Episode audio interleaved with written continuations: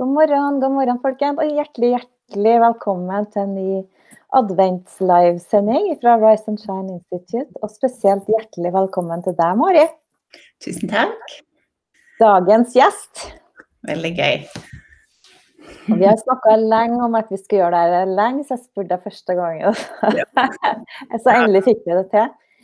Og Det er flere grunner til at jeg har lyst til å snakke med deg. Du skal fortelle litt om din bakgrunn, og sånn, men en av grunnene til at jeg har lyst til å snakke med deg, er at du har en veldig spennende gründerhistorie som jeg tenker at det kan være uh, både artig og inspirerende for flere å høre litt om. Og så vet jeg òg at du har en god del uh, fine tanker rundt det å være gründer, og refleksjoner rundt det, som uh, jeg tror at flere vil ha glede av at du deler. Ja. Eh, og så har de kanskje de fleste av oss som har sett introen til i dag, fått med seg at eh, du har jobba som virtuell assistent. Og faktisk så har du en ganske sentral rolle i å støtte og være med og hjelpe andre som har lyst til å bli virtuell assistent med det. Og herre skal vi jo snakke masse om i dag. Eh, men først så må du få lov til å si litt om deg sjøl, Mari. Ja. Ja, jeg bor på Sørlandet, i Vennesla utenfor Kristiansand. Eh, og der bor jeg med min mann, og så har vi tre egne barn og ett fosterbarn. Så eh, vi har bodd her nede i ca. Ja, nesten 20 år, faktisk. Med et lite opphold i USA for ti år siden. Tida går så fort. Det føles ikke så lenge siden, men det er faktisk ti år siden så hadde vi to år i USA. Med, I forbindelse med jobben til eh, Eller en bedrift som man starta opp, da. Eh, ellers har vi bodd på Sørlandet. Så det Ja. Så vi jobber hjemmefra begge to med egen eh, businesser. Mm. Det, det, er veldig fint. Mm. Og så har du da starta egen bedrift. Og det er en stund siden, ikke det? Ja, denne som jeg har nå, starta jeg jo i 2018. Um, ehm, det er jo en liten forhistorie til hvorfor jeg gjorde det, så jeg vet ikke om du vil uh, jo, jeg har litt lyst til at du skal fortelle. ja. Eh, når vi kom tilbake fra USA, det USA-oppholdet, mm. eh, så hadde vi vel et par år der som vi gjorde litt andre ting. Jobba. Jeg hadde vanlig jobb, og han også. Eh, men vi flytta Fra USA så flytta vi rett inn i, eh, inn i Venneslas skoger, holdt jeg på å si. Vi, bodde, vi kjøpte en hytte i skogen, faktisk. Og vi var litt slitne etter det USA-oppholdet, og så ville vi ha et småbruk. Og så fant vi ikke noe småbruk innenfor den prisklassen som vi trengte.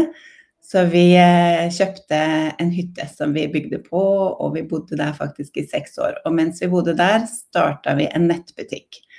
Eh, og i den nettbutikken så solgte vi hagehus. Eller altså vinterhage, redskapsboder, lekehus, sånne ting. Eh, mannen min er egentlig tømrer av utdannelse, så, han, eh, så, det er naturlig på en måte og en naturlig nisje å velge seg. Eh, og den nettbutikken starta vi da i 2012, eh, og den gikk veldig fort, veldig bra. Det var ikke så mange andre som drev på nett da med sånne store ting. Det har jo skjedd veldig mye de siste åra på nett. Men eh, det var jo dyre produkter. Fra, altså det var jo ikke noe som kosta under 10 000, og noe av det kosta oppimot 100 og mer enn det. Eh, men det gikk veldig bra, og det gikk veldig fort oppover. Så vi gikk fra Første året solgte vi for 2 millioner til 19 millioner det fjerde året, sånn cirka. Så det gikk veldig fort. Litt for fort. Og mye skjedde. Og um, lang historie kort, så gikk vi konkurs i 2018. Mm. Eh, det var mange ulike grunner til det. Det ene var nok at det gikk veldig fort oppover. Og det å henge med på en sånn vekst er ikke alltid så lett. Eh, så fikk vi noen investorer som ikke gjorde helt det de skulle. Så fikk vi noen reklamasjoner på, en, på noen sånne store, veldig dyre vinterhager som vi solgte. Som egentlig var eh, fabrikkfeil, men det var en stor fabrikk, en av Storbritannias største fabrikker som leverte sånne type vinterhager, som ikke ville på en måte de, de, sa de var enige at det var de sin feil, men de tok ikke kostnaden. Eh, og i 2018 var det vel som den sommeren som Eller den vinteren og sommeren som var litt sånn ekstrem. At vi hadde vinter langt ute i mai, og så gikk det rett til 30 varmegrader. Og det var begge deler like negativt for den bransjen vi var i. Så vi gikk vi stupte i omsetning det året. Og i tillegg til alle de andre tingene, så, så gikk vi da konkurs i 2018 på høsten der. Vi leverte inn de papirene selv, eller liksom begjærte oss konkurs selv. Vi så at ikke det var liv laga mer. Eh, og så heldigvis så gikk det ikke sånn veldig utover så mange. Vi fikk ordna opp i det aller meste i forkant, så det var jo en god ting sånn for vår, vår del. Vi hadde heller ikke noe personlig eh, Så vi hadde ikke stilt huset til disposisjon på å si, for bedriften eller noe sånt, så vi, vi, vi tapte ikke noen sånne store summer selv. Men det skjedde da i, i september 2018. Mm. Og da var vi veldig slitne. Jeg var veldig lei av den nettbutikken og hadde lyst til å gjøre noe annet. Mm. Og så tenkte jeg at eh, det må jo være andre bedrifter som eh, kan kjenne på et behov for hjelp til en del sånne småting. Eh, vi ansatte jo på et tidspunkt og så jo hvilken kostnad det også innebærte. Mm. For vi trengte Altså, vi kunne klart oss med Det er jo en sesong, det var en sesongbasert eh, bransje vi drev i, så det å ha en fulltidsansatt hele året var en stor kostnad som egentlig ikke var nødvendig sånn sett, men vi trengte hjelp. Mm. Eh, da visste jeg ikke at det var noe som het virtuell assistent, og det var jo ikke mye om det heller da. Mm. Eh, men jeg tenkte da når vi gikk konkurs at det var sikkert andre som kjente på det samme, at de kunne trenge litt hjelp i mm. bedriften med diverse ting, men som ikke ville ha den risikoen med å ansette. Eh, så da starta jeg min egen um, lille business. Og jeg kalte det ikke da for virtuell assistent, for det hadde jeg ikke hørt om ennå. Det var litt mer sånn eh, ja, alle har vel behov for en sånn potet, tenkte jeg, som kan gjøre litt forskjellige ting i bedriften. Så skjønte jeg, fant jeg jo etter hvert ut at det var noe som het virtuell assistent. Mm. Og som det på en måte passa veldig godt inn under. Mm. Så fant jeg veldig få som drev med det i Norge. Jeg fant to-tre stykker på nett som på en måte var, hadde en nettside og sånn. Mm. Så, eh, så, det var litt sånn jeg kom i gang med denne bedriften her, da. Så, satt jeg, så jeg satte egentlig bare i gang uten egentlig å vite så mye om, om hva jeg skulle gjøre. ja, og jeg syns det er så fantastisk, for du har jo vært en pioner i Norge på akkurat dette her. fordi at jeg, jeg har drevet bedrift i åtte år, jeg har hørt om virtuell assistent. Mm. Men jeg hadde ikke hørt om noen i Norge før du plutselig plutselig og plutselig du dukka opp og mm. sto for det. da. Mm. Eh, for jeg har jo jobba med mange gründere, og folk har jo brukt folk i utlandet. Så der har det jo vært en del eh, folk tilgjengelig mm. med de pluss og de minus det har. Det kan du sikkert helt sikkert si mye om. Men, men det å da få eh, et sånt tilbud i Norge, da, Mm. At det er noen som syns at det kan være noe å, å livnære seg på. Mm. Det er jo et kjempepluss for veldig mange andre gründere. Men mange er litt sånn at de driver. Ja, dere var jo dere har prøvd å ansette noen, men noen har Kanskje har noen ansatte òg, ja. men uh, du liksom Det er en sånn terskel da, å skulle ta det neste løftet. Mm. Hvor fort skal du ta det? Og så er overgangene når det er en bitte liten bedrift. Mm. Og for oss som driver one woman og one man show, da, mm. uh, helt alene, så er jo dette en mulighet for å liksom få en litt mer smooth vekst, tenker jeg da. Yeah. Det er mange som vokser, og som sliter veldig da, med kapasiteten sin, da, til de syns de kan ta seg råd til å ansette en mm. person til. da. Mm. Ja, og jeg tenker jo at på et tidspunkt så vil det jo stoppe opp.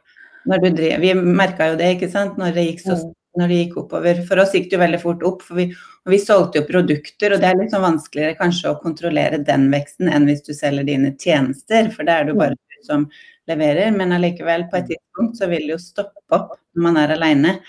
Eh, og du får, kan Altså, det går ikke å få til eh, den veksten hvis ikke du driver med noe som på en måte ikke krever at du gjør noe særlig, da. Hvis du har online kurs bare som ikke du har noe oppfølging på, sånn, så kan du selvfølgelig sikkert tåle en større vekst. Men, men eh, hvis du leverer tjenester eller det er Altså det kommer så mange ting, da, som, eh, som, tar tid.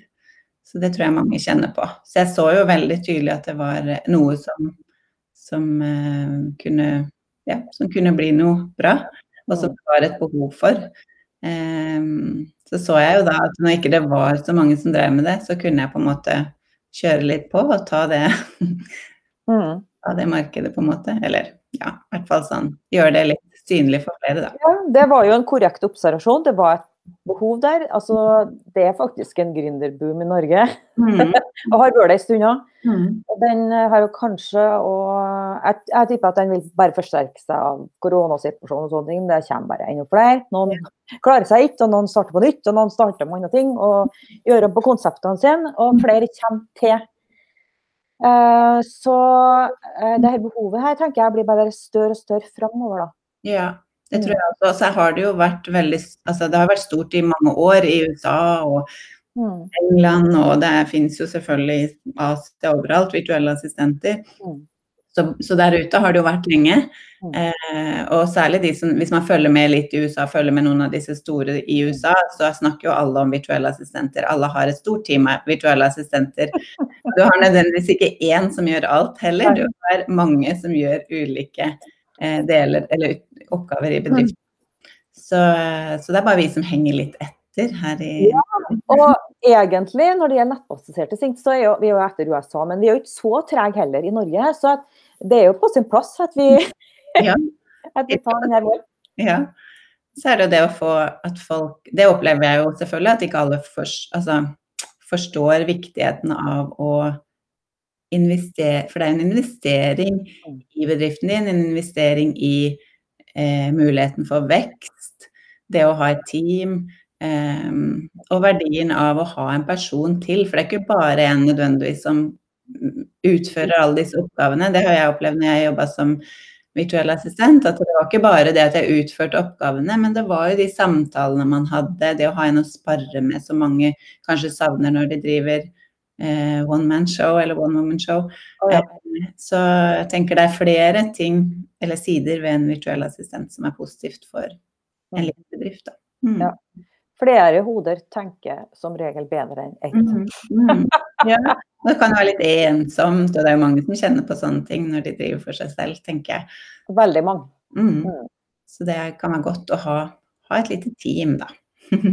Mm. Mm. Og, og mange gir seg òg fordi at en føler at det blir for tungt å holde på alene. En tror en skal kanskje mestre, for det er et mangfold av oppgaver. da, En tror en skal mestre alle oppgavene, og en syns det blir uoverkommelig Mm. eh, og uoversiktlig og bekymrer seg halvt i hjel. Dette gjelder kanskje først og fremst førstegangsgründere, Mm. eh, og som tenker at nei, dette er ikke noe for meg, i stedet for at en ser da løsningene. At OK, jeg kan hente inn hjelp, jeg kan hente inn støttespillere rundt meg på det og det og det, og på det og den og den måten.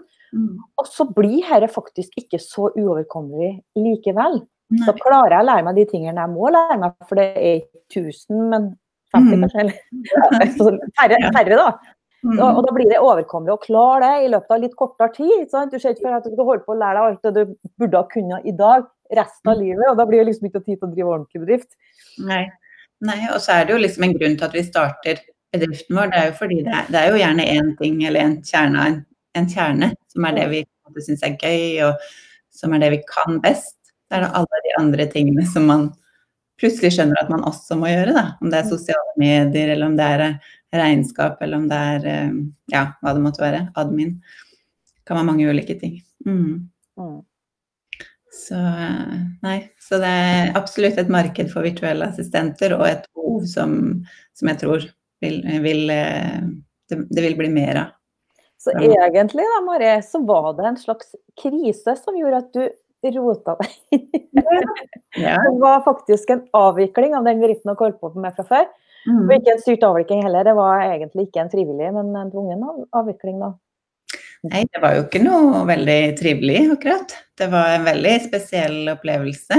Mm. Eh, Men samtidig så, mm, så er det noe man har vært igjennom noen sånne kriser òg. Man lærer mye av det, og det, Ja. man kan ta det med seg videre. Absolutt. Det har jeg så lyst til å si, fordi jeg har jo jobba med gründere i snart 30 år. Og eh, jeg vil faktisk påstå at de aller fleste gründerne jeg kjenner, som har skapt, eh, hvis vi kan kalle det noe virkelig stort, da, i Mm. form av masse omsetning, eh, bra resultater, eh, mange ansatte, eh, produkter som slår om seg. Eh, nesten alle har gått konkurs. Mm. Én gang. Mm. Men så har de lært av det. De har tatt med seg læringa, for det er, det er tøff, men det er mye læring i det. Og så har de gjort det likere neste gang. ikke sant? Mm. Ja, og du hører jo de sånn i USA, enkelte, som snakker om at de nesten ikke vil ansette eller ha inn noen som ikke har gått konkurs før. Men her føler jeg det er litt mer skamløst, kanskje. Ja, helt annet. Eh, det vil jeg til livs, da. Mm. Eh, nå har ikke jeg gått konkurs sjøl, men har jeg gjort det nesten. da. Jeg har justert kursen litt før, liksom. Bare Et par ganger. Ja.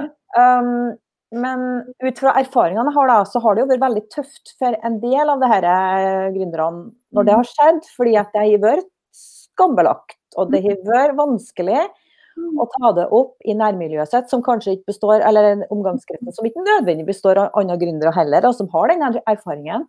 Mm. Eh, så der er amerikanerne langt framme med oss når det gjelder å ha litt mer sånn toleranse for den type feil. da. Mm. Og noen ganger så skjer det jo altså Du kan ikke rå over det. Vi har jo masse eksempler under finanskrisa f.eks. i 2008. Eh, det var tett på flere bedrifter da som gikk konkurs. Mm. Ja, de har jo gjort noen ting utenom at noen av dem hadde litt lite buffer. Det er jo en sånn. Ja, det... Vi har jo koronaperioden nå. ikke sant? Det er jo masse, I enkelte bransjer så er det jo knalltøft. Ja, og det var jo sånn for oss òg, selvfølgelig ja, vi kunne tidligere, kanskje to år tidligere, kunne vi tatt noen andre valg. ikke sant? Vi valgte å satse mm. videre, liksom ta, det der, ta den veksten og bare eh, gjøre det enda større. Og det gikk kanskje litt fortere eh, med tanke på at vi ikke hadde den erfaringa som vi kanskje burde hatt i bunn for å gjøre det. Selv om vi hadde egentlig gode folk rundt oss, vi hadde et proft styre, og det var mange ting vi gjorde riktig.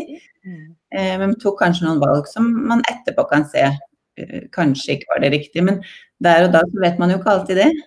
Eh, og så hadde vi jo det med været som faktisk spilte inn hos oss. ikke mm. sant? Og utenforstående leverandører. Det er mange ting som kan gjøre det. Og jeg tenker selvfølgelig finnes det de som utnytter systemet og som gjør ting som gjør ulovlige ting og sånn, men de fleste som går gjennom en konkurs, vil jeg tro, uten at jeg har noe, noe kan vise til noe statistikk, men jeg vil jo anta at de fleste er ganske ja, har gjort sitt beste. Jo, altså det finnes jo såkalte konkursryttere, ja. men uh, det er ikke dem vi snakker om her nå, altså. Nei, det er ikke, det er ikke flest av de, tror jeg. Så jeg tenker det der med å snakke, om, snakke, mer om det, tenker jeg bare er kjempeviktig. For det er vi kunne vi kjente jo på det, det er jo ikke en god følelse. Vi satt i en, en rettssal, holdt jeg på å si, med advokat og dommer. Det er en veldig sånn spesiell opplevelse. Å gi fra seg nøkkelen. Vi hadde et fysisk lokale med mm. Utstyr og ting. Alt tok de var der og da, og det, veldig, det var veldig krevende. Uh, og man kunne kjenne på den mislykkethetsfølelsen, ikke sant. Vi fikk det mm. til uh, ja, sånn og sånn. Men, uh, men, i ettertid, da, når man har fått kommet litt videre og fått det litt på avstand, så ser man jo at både at det var riktig at vi gjorde det da, og kanskje vi skulle gjort det enda litt før, men i hvert fall det var riktig å gjøre det. Og det gikk så bra som det kunne gå. Eh, og eh, vi kan ta det med oss videre. Ja. en erfaring. Mm. Og jeg tenker at det at du har vært gjennom akkurat den erfaringen, da, blant mange verdifulle erfaringer og læringer du har gjort deg, er jo en skikkelig god ballast å ha med seg når du skal snakke med andre som driver business, for her er en del av karene. De fleste av oss har perioder der vi mer eller mindre frykter det. Om ikke, om ikke det går så langt at vi må avvikle, så frykter vi det. Fordi at vi har enten gjort litt, store, litt for store feil, mm. eller det er ting utafor oss da, i markedet eller i uh, omgivelsene våre som vi mer eller mindre kanskje ikke kan rå med, mm. som, uh, som, har skjedd. Shit happens. Mm. mm. mm. Absolutt. Så jeg tenker uh, ja, det er en viktig ting å snakke om. Mm. Eh, absolutt. Mm. Men det var ikke det jeg tenkte vi skulle snakke om i dag. Den ene historien hadde jeg ikke fått med Eh, men når du først tok det frem, så tenkte jeg at dette er litt viktig å ikke bare nevne og så gå videre, men å ta det fram. Fordi jeg har sett mange ute der og har vært gjennom lignende ting. Og det sitter mange ute der og frykter at de kanskje kommer borti eh, ting. Eh, og eh, i og med at det har faktisk vært sånn i Norge at det har vært litt sånn skambelagt. Jeg sier ikke at alle føler det, men jeg tror mange har kjent på det. Ja, det så jeg, tror det er viktig å bare liksom slippe den kaninen litt ut av uh, hva er det her det egentlig handler om. også. Mm, mm. Ja, Jeg skal ikke på en måte rosemale det. Selvfølgelig er det krevende og det er skikkelig tøft, men man kommer gjennom det også. Mm. Og vi er veldig heldige som bor her i Norge, som vi faktisk blir tatt ganske godt vare på, så lenge man ikke har gjort en Altså noe ulovlig, selvfølgelig, men det snakker vi jo om. Så Ja. vi blir tatt, stort sett tatt ganske godt vare på. Så det man kommer gjennom ting. Ja. Og så kan det komme gode ting ut av det òg. Ja, Mm. jeg er veldig takknemlig for at du tok uh, og snakka litt om det. Og så har jeg litt lyst til at du nå skal fortelle litt mer, Du har sett masse folk og lurer på hva er det her med virtuell assistent. Noen, har, noen vet det kanskje, og noen har lyst til å, å komme i gang, ikke sant? og det er derfor de sitter og hører på oss nå. Mm. Så si litt mer om hva går det egentlig ut på? Ja. En virtuell assistent. Altså sånn i prinsippet så er det jo en som jobber har et eget firma, en selvstendig næringsdrivende, som jobber hjemmefra eller fra hvor de vil, fra reise eller et eller annet sted. eh, Et annet sted enn der den bedriften de jobber med, holder til. De skal ikke oppta noe plass, de står for sitt eget utstyr osv. Eh, og så hjelper de da ulike bedrifter, veldig ofte små bedrifter, med eh, oppgaver de kanskje ikke har tid til, ikke har lyst til å gjøre, eller ikke, har, eller ikke kan eh.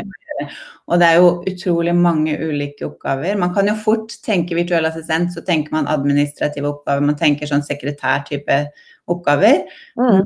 I prinsippet så er det jo mer en sånn samlebetegnelse på, på alle mulige typer tjenester man kan levere til en bedrift som er sånn gjort for deg tjenester. Det kan være grafisk design, det kan være sette opp en nettside, det kan være administrative oppgaver, rydde e-post og punche og kundeservice eller videoredigering, sosiale medier, alt mulig en eh, bedrift må gjøre i, eh, altså, utenom kjernevirksomheten sin. Da. Så Mm. tanken er jo at du skal frigjøre eh, både tid, selvfølgelig, sånn at bedriftsleder kan gjøre sin kjernevirksomhet, eller holde seg til den, men også at du kan levere tjenester som eh, selvfølgelig kan hjelpe de å tjene mer penger, ikke sant, om det er eh, en god sosiale mediestrategi eller, eller Facebook ads, eller det kan være mange ulike ting. Mm. Eh, så det er jo liksom sånn det fungerer med en virtuell assistent. Og de skal jo, det skal jo være oppgaver de gjør online, da. Det er jo ikke sånn sekretær som henter kaffe og sånn. Nei, det må vi gjøre sjøl. Det må vi gjøre selv. Det klarer vi. ja. Så det er liksom Det er jo kjernen i det med virtuell assistent. Eh, og så er det jo fordelen, da, som vi snakka litt om i stad, at du ikke mm, Det er jo ikke en ansatt, du leier jo denne personen inn. Mm. Eh, Så du betaler jo da ikke arbeidsgiveravgift eller forsikringer eller noe sånne ting. Eh, Den en, det eneste du betaler, er jo det den virtuelle assistenten skal ha i betaling. Mm. Eh, og det er jo selvfølgelig eh, Hvis man er vant til å jobbe med virtuelle assistenter fra utlandet, så er det jo eh, en større kostnad å gjøre det her. Mm. Men sånn sett i det store og det hele, når du slipper både ansvar og, eh, og en, del, en del sosiale kostnader, du trenger ikke ut med feriepenger neste år, ikke sant? det er ingen sånne ting som ligger der, eh, så, så er det mange fordeler med en virtuell assistent fra Norge. Ja, og så, sånn tror jeg kanskje vi kan våge oss på å si at eh, norske virtuelle assistenter har noen konkurransefortrinn i forhold til språk- og kulturforståelse. Ja. Eh, For du skal jo ikke lenger inn til Sverige, for det er litt annet mm. Svensk er dessuten ikke kanskje det Jo, det er ganske enkelt å forstå. Det er litt vanskelig å lese hva de skriver. Ja, ja. Og det er klart, altså hvis du er veldig altså vant til å jobbe med utenlandsk, og du har liksom den, så tenker jeg så kan det sikkert fungere med en, med en fra et annet land. Men, Mm. men ofte, hvis man skal på en måte virkelig få mest mulig igjen for det, så vil jeg jo absolutt si at det å ha en norsk, norsk virtuell assistent som kan ja, kommunisere godt, eh, som, og i hvert fall hvis de skal hjelpe med tekst, så er det selvfølgelig et must. Eh, men også bare den der kommunikasjonen, det å ha den At det er noe mer enn bare en du sender en mail til for å få en oppgave gjort. Det er faktisk en del av teamet ditt i bedriften, og da tenker jeg at det Nei, for jeg jeg har snakka med en del, eller en del, noen gründere i hvert fall, som har hatt uh, virtuelle assistenter i, fra andre land, f.eks. Latvia eller fra Mm. India eller sånt. Og, og de har hatt rasende dyktige folk, altså. Det har ikke vært noe med det, men det har blitt litt sånn kommunikasjonsutfordring. Ja. Og litt ulik forståelse av hvordan Mm. når du sier ja, betyr det ja, eller betyr det ikke ja. ja. eksempel. Mm. Eh, Så er det litt ulike kulturer, og da skal du være obs på det. Men det er klart, hvis du skal jobbe internasjonalt, Mm, ja, ja. har tenkt å satse i det landet, så Mm. kan det være noen store fordeler igjen med å ha noen som kjenner litt mer den kulturen og sånn på, la, på laget. Selvfølgelig.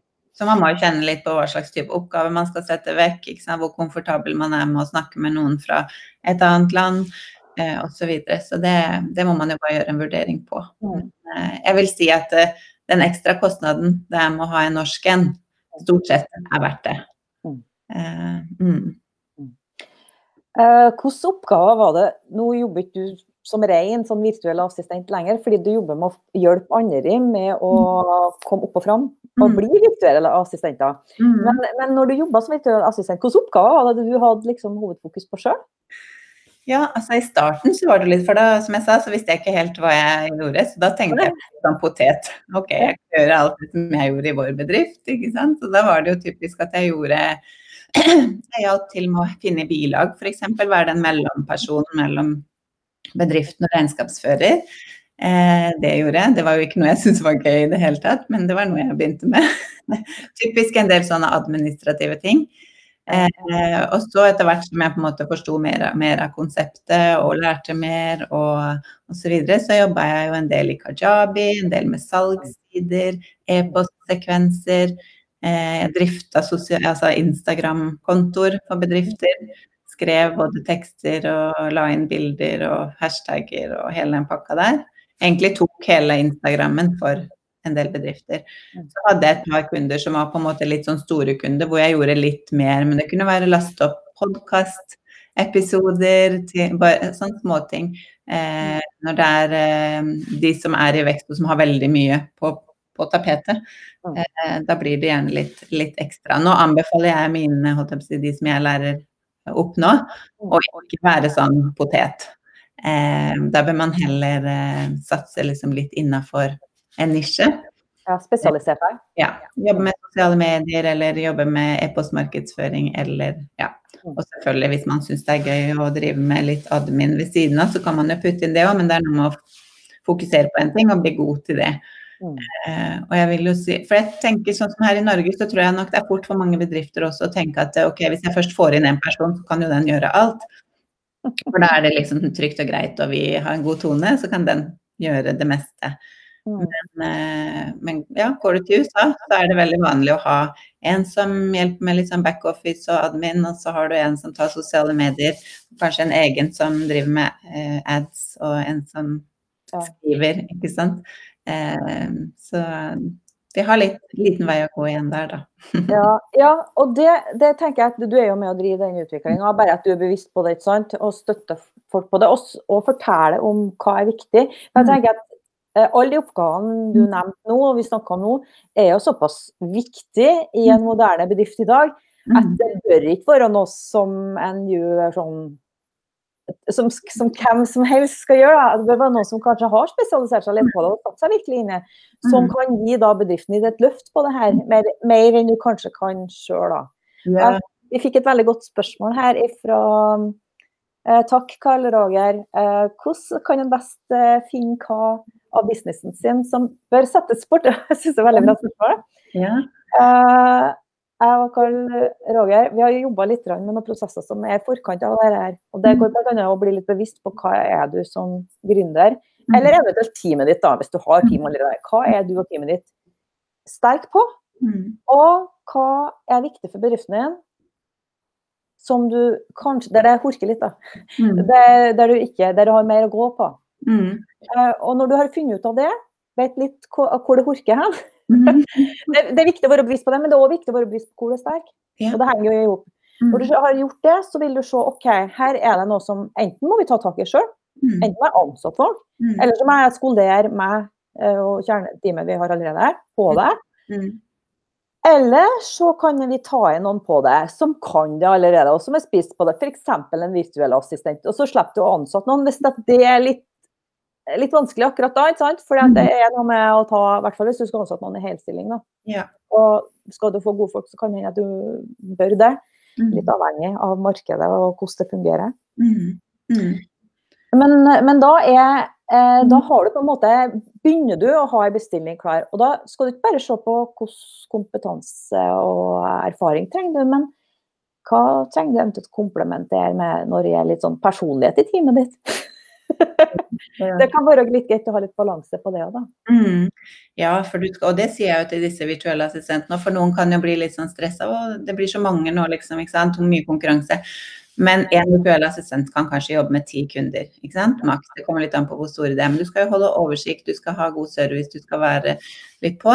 Eh, og det er jo mange bedrifter. Eh, men det der med at du at personlighetene matcher litt, at det er en god kjemi. Vi er jo så ulike. Noen som jeg trives med, kan det være andre som bare ikke trives med i det hele tatt. Uten at det trenger å være noe galt med noen av de, så er det bare sånn det er. Så det å ha på en måte litt riktig type inn, tenker jeg også er kjempeviktig. Um, mm. Jeg er enig. Uh, for enda få god innspill her fra Charlotte. Takk, Charlotte.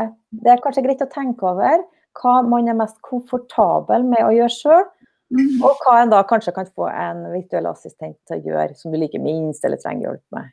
Mm. Det er faktisk lov til å tenke OK, hva har jeg lyst til å holde på med? Jeg kan nevne et eksempel med meg sjøl. Jeg er veldig god til å skrive søknader. For det syns jeg ikke er noe gøy. Jeg er veldig god til å skrive søknader til sånn Innovasjon Norge.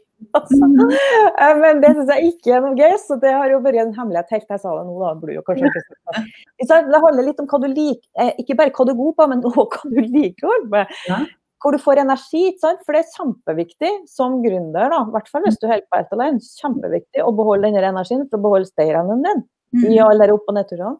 Ja.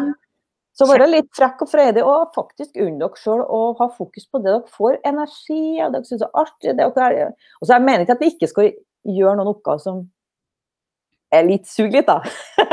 jeg mener ikke det, men hvis du kan da sette bort noe, så kan du godt ja, velge de oppgavene der også. Som noen andre elsker å gjøre, ikke sant? og får energi av å holde på med. Og mm. digge og sprudle og mm. Ja, så er det noen, noen ganger må man jo bare se litt på regnestykket òg, ikke sant. For at man kan tenke at å, det er en, enda en kostnad, enda en kostnad. Men hvis du bruker 30 minutter om dagen, fem dager i uka på e-posten din fordi den bare fyller seg opp, så er det ganske mange timer, det blir vel ti timer eller noe sånt, i måneden, som du kunne brukt på én-til-én-timer med coaching-kundene dine, da. Og så tar du kanskje vet ikke hva du tar for det, men om det er 1500 kroner timen, da, mm. så koster det kanskje 600 kroner timen for en virtuell assistent. Mm. Som kan ta de ti timene med e-post. Mm. Da har du plutselig tjent penger på den virtuelle assistenten istedenfor at det blir en kostnad. Mm. Så det er litt sånn man må tenke.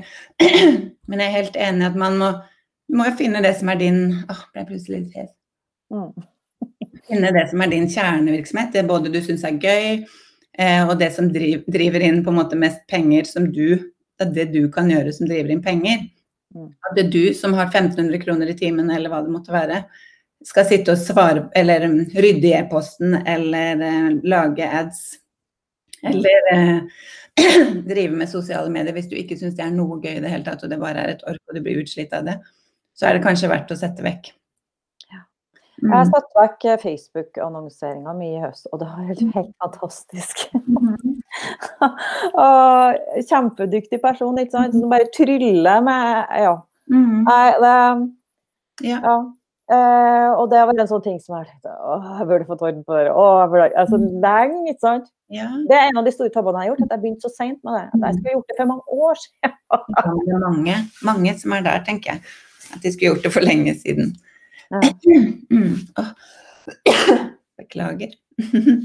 Um, men nå Mari, har jeg litt lyst til at du skal få altså, må ha litt vann først, uh, og si litt om det du virkelig brenner for. da. Du brenner for mange ting, da. Men det jeg tenker, det er å på en måte støtte de herrene her som har lyst til å være mm. Også andre sine medhjelpere.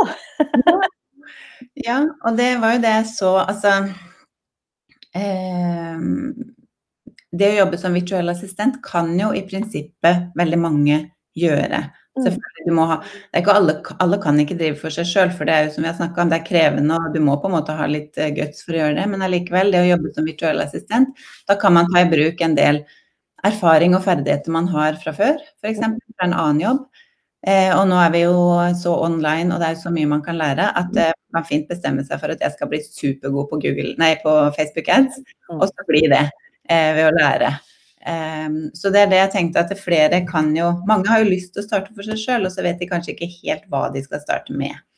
Så tenkte jeg det her er en mulighet for flere. Og jeg fikk jo spørsmål også om hvordan jeg kom i gang, ikke sant. Så jeg så jo at der òg var det jo et hull som ingen hadde tatt enda.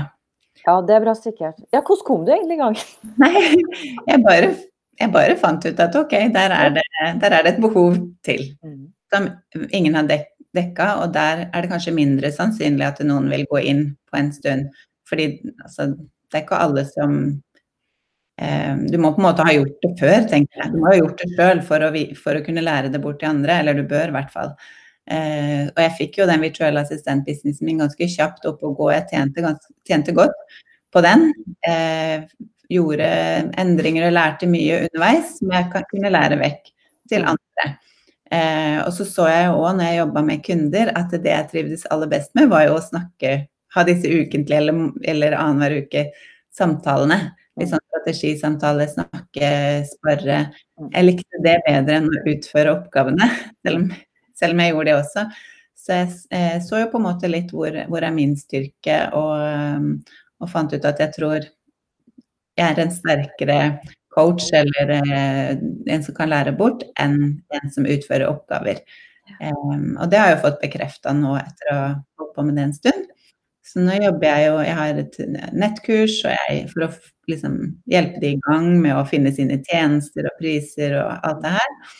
Og så um, jobber jeg én til én. Men så klart så var det jo sånn at du hadde jo eh, ganske god, eller en god del eh, businesserfaring fra før. Ja, det det du var ikke førstegangsgründer, du var andre- eller tredjegangsgründer. på det. Ja. Eh, og da sitter du med en kompetanse der som går litt utover det å gjennom og ja. utføre de oppgavene. Mm. Men det at du gjorde de oppgavene og hadde en vanlig mm. virtuell assistentrolle i starten, gjør jo at du har fått liksom kjent ordentlig på hvordan det er ut, hva du måtte finne ut av. Hvordan mm. det er å være i den situasjonen, sånn at du veldig enkelt kan forstå dem du skal hjelpe fram imot å bli gode virtuelle assistenter. Da. Ja. Mm. tror eh, for de i hvert fall så er det eh, på en måte godt å vite at jeg har vært gjennom det samme mm. eh, og, og, fått det til. For da kan man jo lettere ha tro på at man sjøl også kan få det til. Og jeg tror mange også syns For jeg har jo altså jeg har ikke vært så veldig selvsikker eller tøff. Eh, det er jo mannen min som på en måte har vært si, hovedgründeren i vår eh, familie. Vi har gjort det sammen. Det er han som har vært den som har stått, vært synlig og som har på en måte stått litt i front. Ja.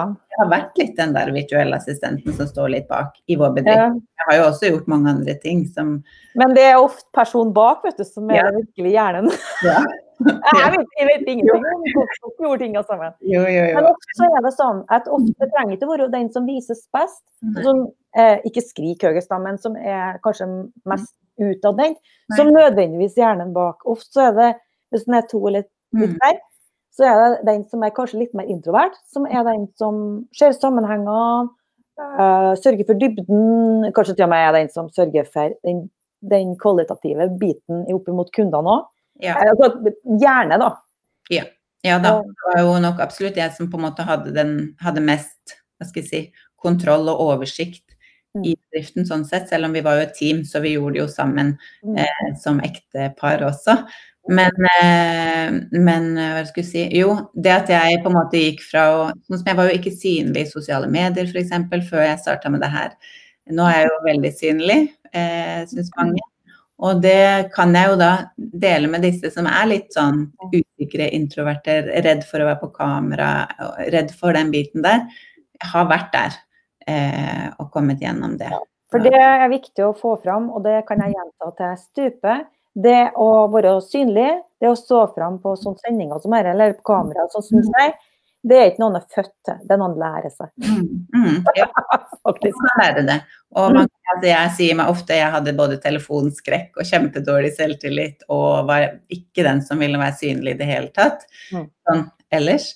Eh, men jeg fant jo ut og skjønte fort når jeg kom inn i den online-verdenen her, da, at eh, det er liksom en del av pakka. Og ja.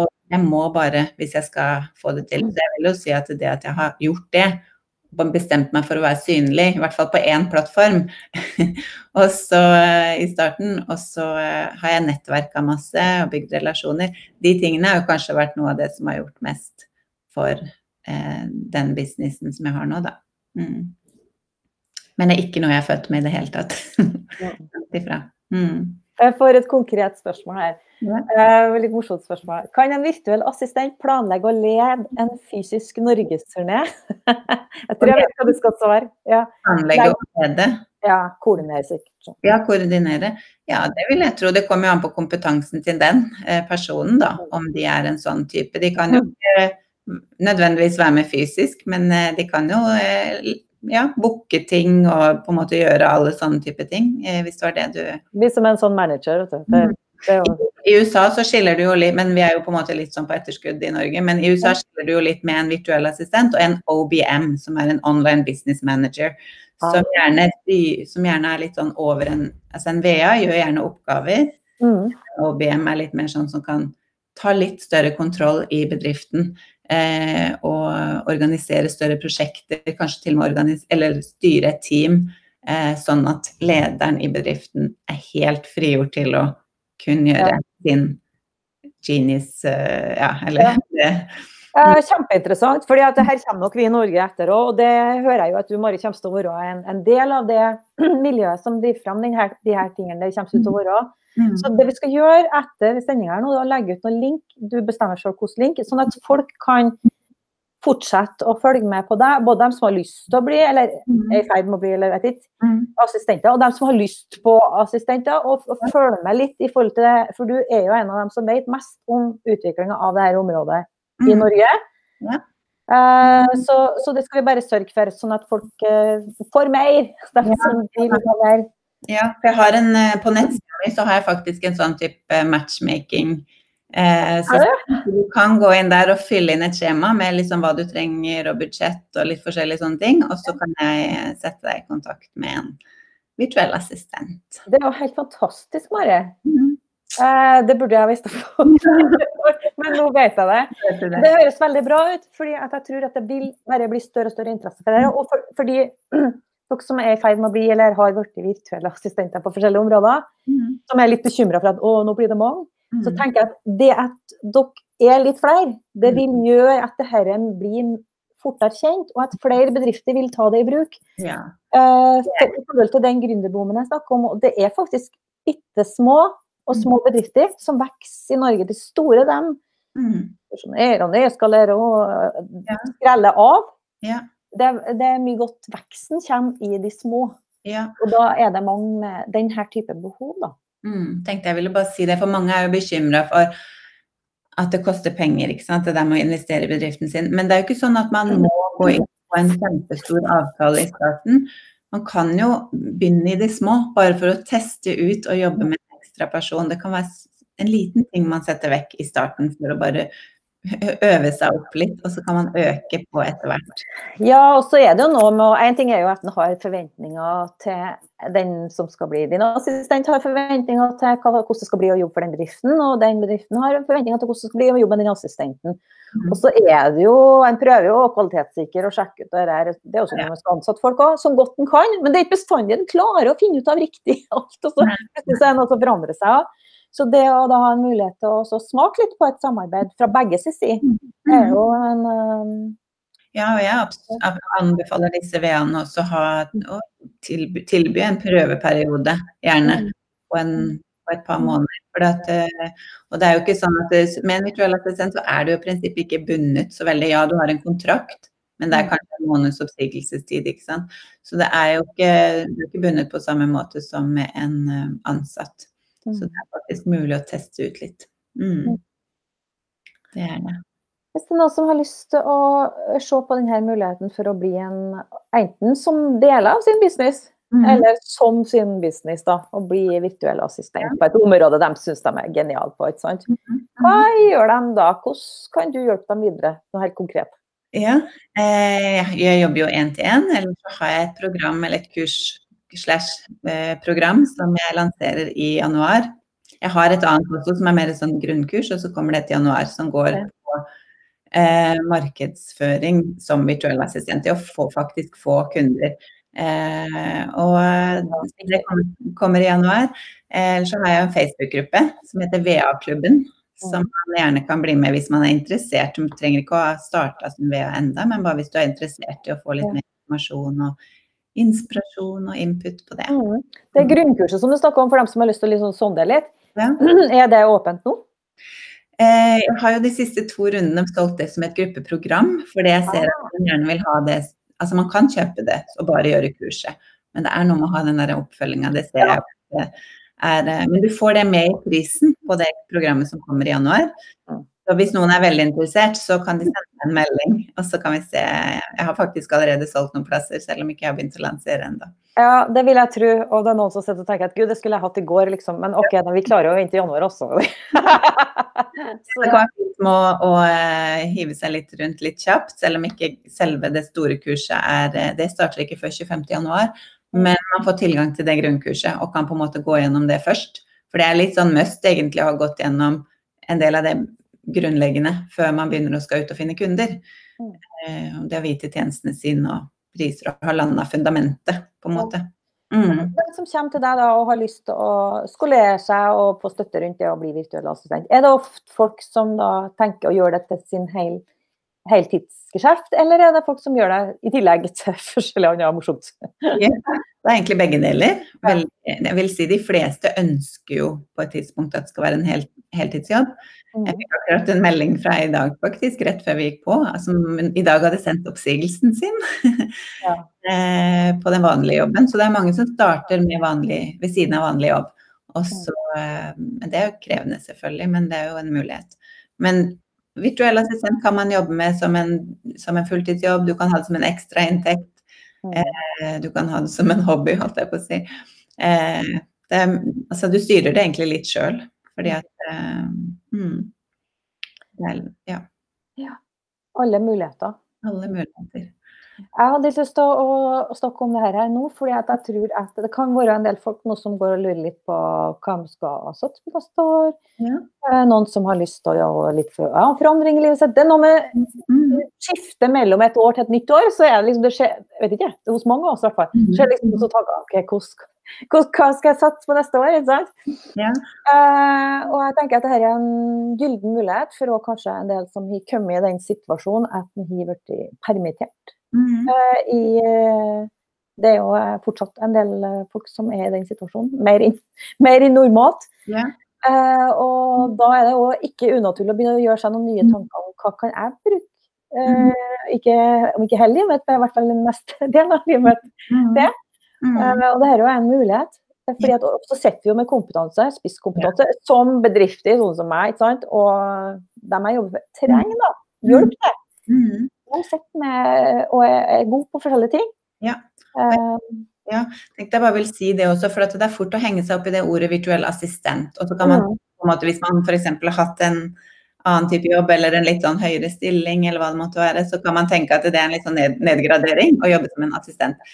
Men man trenger ikke å kalle seg for virtuell assistent, og jeg vil jo egentlig nesten oppmuntre til å ikke gjøre det hvis man skal spesialisere seg på noe.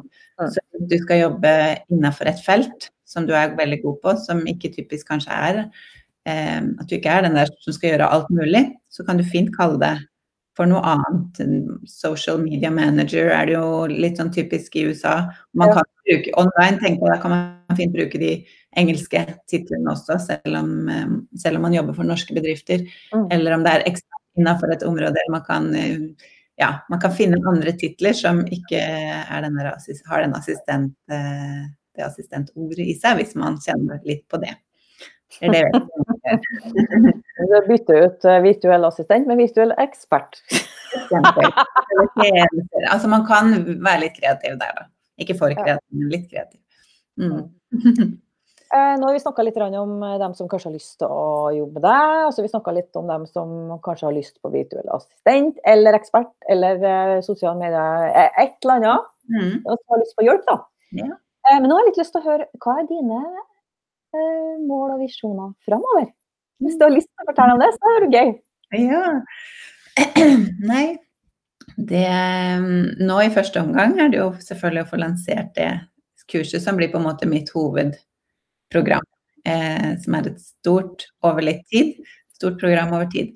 Eh, så målet er jo å, å få det er enda mer synlighet rundt det med virtuell assistent. For jeg ser gjennom å ha jobba med ulike bedrifter, ser jo altså noen som har holdt på, som du sier, i 10 år, 15 år, som fortsatt er der de har vært i mange år. Altså de kom til et punkt, og så stoppa det opp.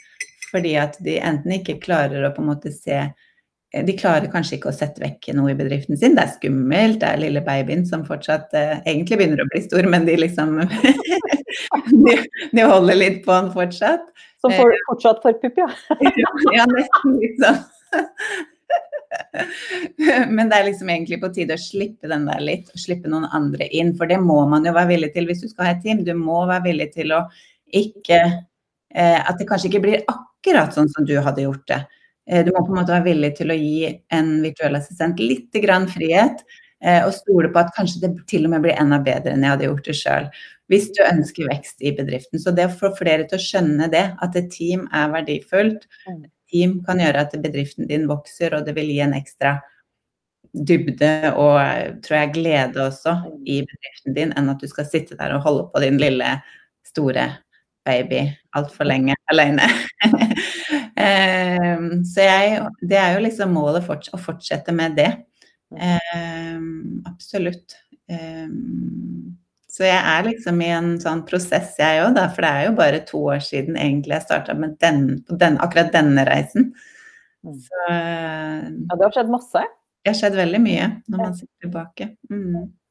Så jeg tenker å fortsette på samme veien, og så ser vi hvor det, litt sånn hvor det ender. Men, eh, men, det å hjelpe andre damer Det er jo først og fremst damer jeg kanskje snakker til fordi det er jeg som er dame sjøl, men jeg, det har jo ikke noe egentlig altså, Det er jo bare det der med at det er lettere å snakke i sosiale medier til en målgruppe. Mm. Eh, det er ikke noe i veien for å jobbe med menn heller. Men eh, det er jo det jeg, jeg syns er veldig, veldig gøy.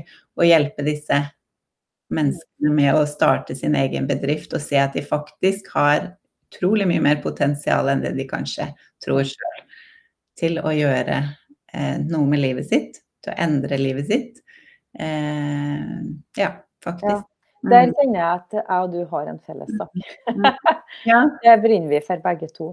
Ja. Og vi får litt sånn støtte fra Bente Baugrød, og så er det så viktig å tørre å gi slipp, det vi snakker om i mm. babyen vet du, som blir sånn. Det tror jeg mange syns er vanskelig, særlig de som har holdt Ikke bare de som har holdt på en stund, men jeg ser at en del av de kanskje syns det kan være litt vanskelig å gi slipp. Litt slipp. Ja. Og jeg. Jeg tror jeg kjenner meg igjen i det med Det blir jo som det jeg, Bedriften min er jo det fjerde barnet mitt.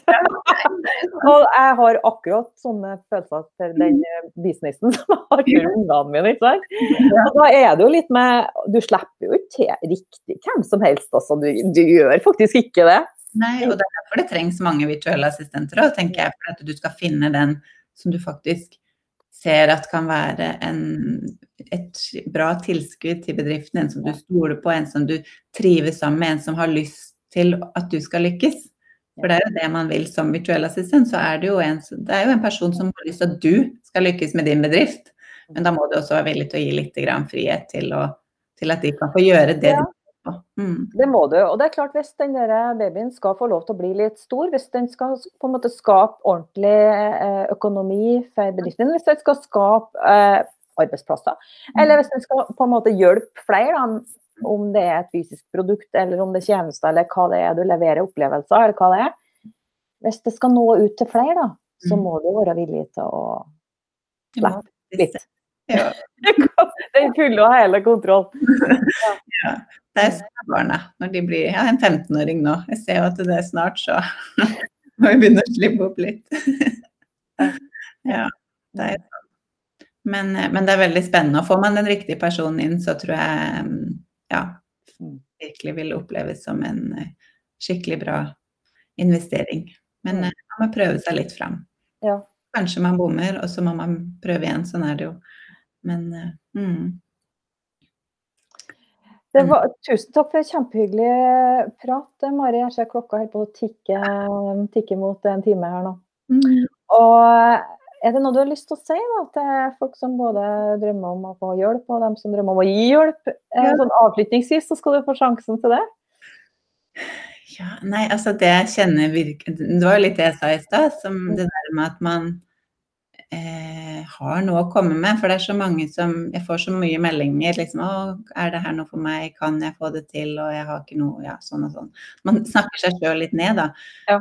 Jeg, og jeg kjenner meg igjen i det, for jeg var litt sånn sjøl før. Men jeg kan virkelig eh, si at eh, ja, du har masse å komme med, og akkurat du trengs. Og fordi det er så mange ulike bedrifter, så trengs det mange ulike virtuelle assistenter. Mm. Eh, så du er, kan vil være viktig for én bedrift, og en bedrift vil trenge akkurat deg eh, hvis du vil starte som VA, da. Mm. Eh, og, og for disse bedriftene som eh, sitter og tenker og ja, vurderer å hyre inn noen, prøv, tenker jeg. Det er det viktigste. Ok, det er en liten investering. Men du trenger, ikke å, trenger ikke å kjøre på med et stort opplegg med en gang. Ta en liten sjanse, prøv, se hvordan det går. Mm. Kanskje du blir overraska. Mm. mm. Ja, og kanskje er det det som gjør eh, det forløsende da, for Ja. situasjonen du er i og for bedriften din. Mm. Mm. Og jeg har jo hatt kunder som også faktisk begynte å investere i, i meg før de egentlig hadde businessen ordentlig oppe å gå. Ja. Eh, så det, det finnes jo de også. Så, så det, og det står veldig respekt da, at de tar, tok faktisk nesten av sparepengene på en måte, fordi de så at hvis jeg skal få det her til, hvis jeg skal få denne bedriften opp og gå skikkelig sånn som jeg vil, så må jeg ha hjelp på det og det området. Så. For det du har gjort bedrifter mye med, er jo ofte Hvis jeg har forstått det rett, da, må du korrigere meg hvis jeg tar feil, da. Eh, hvis jeg har forstått det rett, så er det kanskje den biten som veldig mange gründere eh, er usikre på. Det er det hvordan få det De fleste er gode på å lage produktet sitt, Mm. konseptet sitt.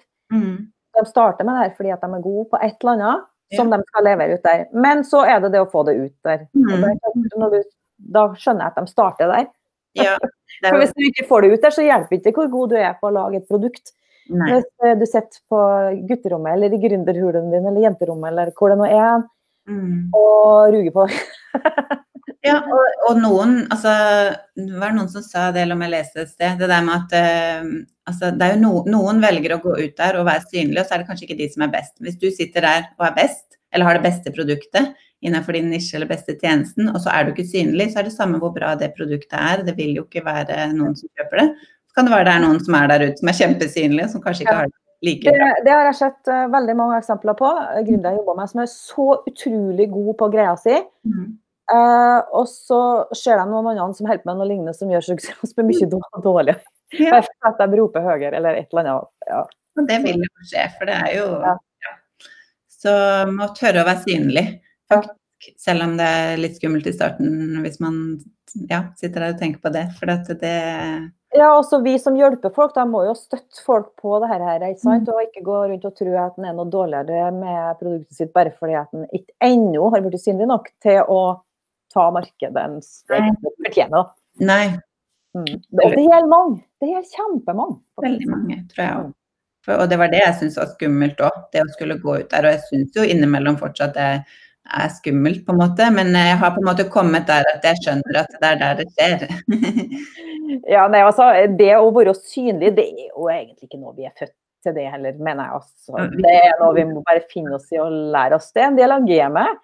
Mm. Og så eh, kan vi da komme til det punktet som jeg har gjort, da, og som sikkert du har gjort òg, at det faktisk blir litt gøy. da. Ja da. Ja, altså, ja, du kommer liksom et steg videre, og så er det særlig det der med ut av den der ja, komfortsona. Det er jo sånn der som en hører hele tida, men det er noe med det der å være der, der hvor det er litt sånn litt skummelt, eh, men faktisk gjøre det allikevel. Så vokser man utrolig mye på det. Jeg har jo ikke utvikla meg tror jeg, så mye som jeg har gjort de siste to åra hele livet. så det ja. Ja. Må bare hive er ut i det. Mm. Eh, og premien da, er jo at eh, det skjer utvikling, det skjer læring, Mm. og du føler jo virkelig at du lever livet, da. Om Mm. ikke det er 110% trygt. og innenfor den gamle komfortsonen, fordi at den utvider seg jo selvfølgelig. Mm. Så har du en større ikke sant? fordi at du har utfordra med ja, ja. Du inn, innbilte begrensninger du trodde du hadde. da. Mm, mm. Nei, det er veldig mm, Man må bare hive seg ut i det. mm. Vi skal legge link til Mari sine ting i kommentarfeltet her, folkens, så dere kan finne mer om henne. Og så vil jeg si tusen hjertelig takk til deg, Mari, for en kjempegod adventsprat. Det var veldig hyggelig. Og takk for alle kommentarer og spørsmål, og for at det var så mange som fulgte oss. Det er jo bestandig veldig koselig. Jeg er tilbake igjen med ny sending i morgen, folkens. Og da kan det hende at det blir en liten konsert da, faktisk. Mm. Ja, sier ikke mer. Takk for i dag. Ha det godt. Ha det.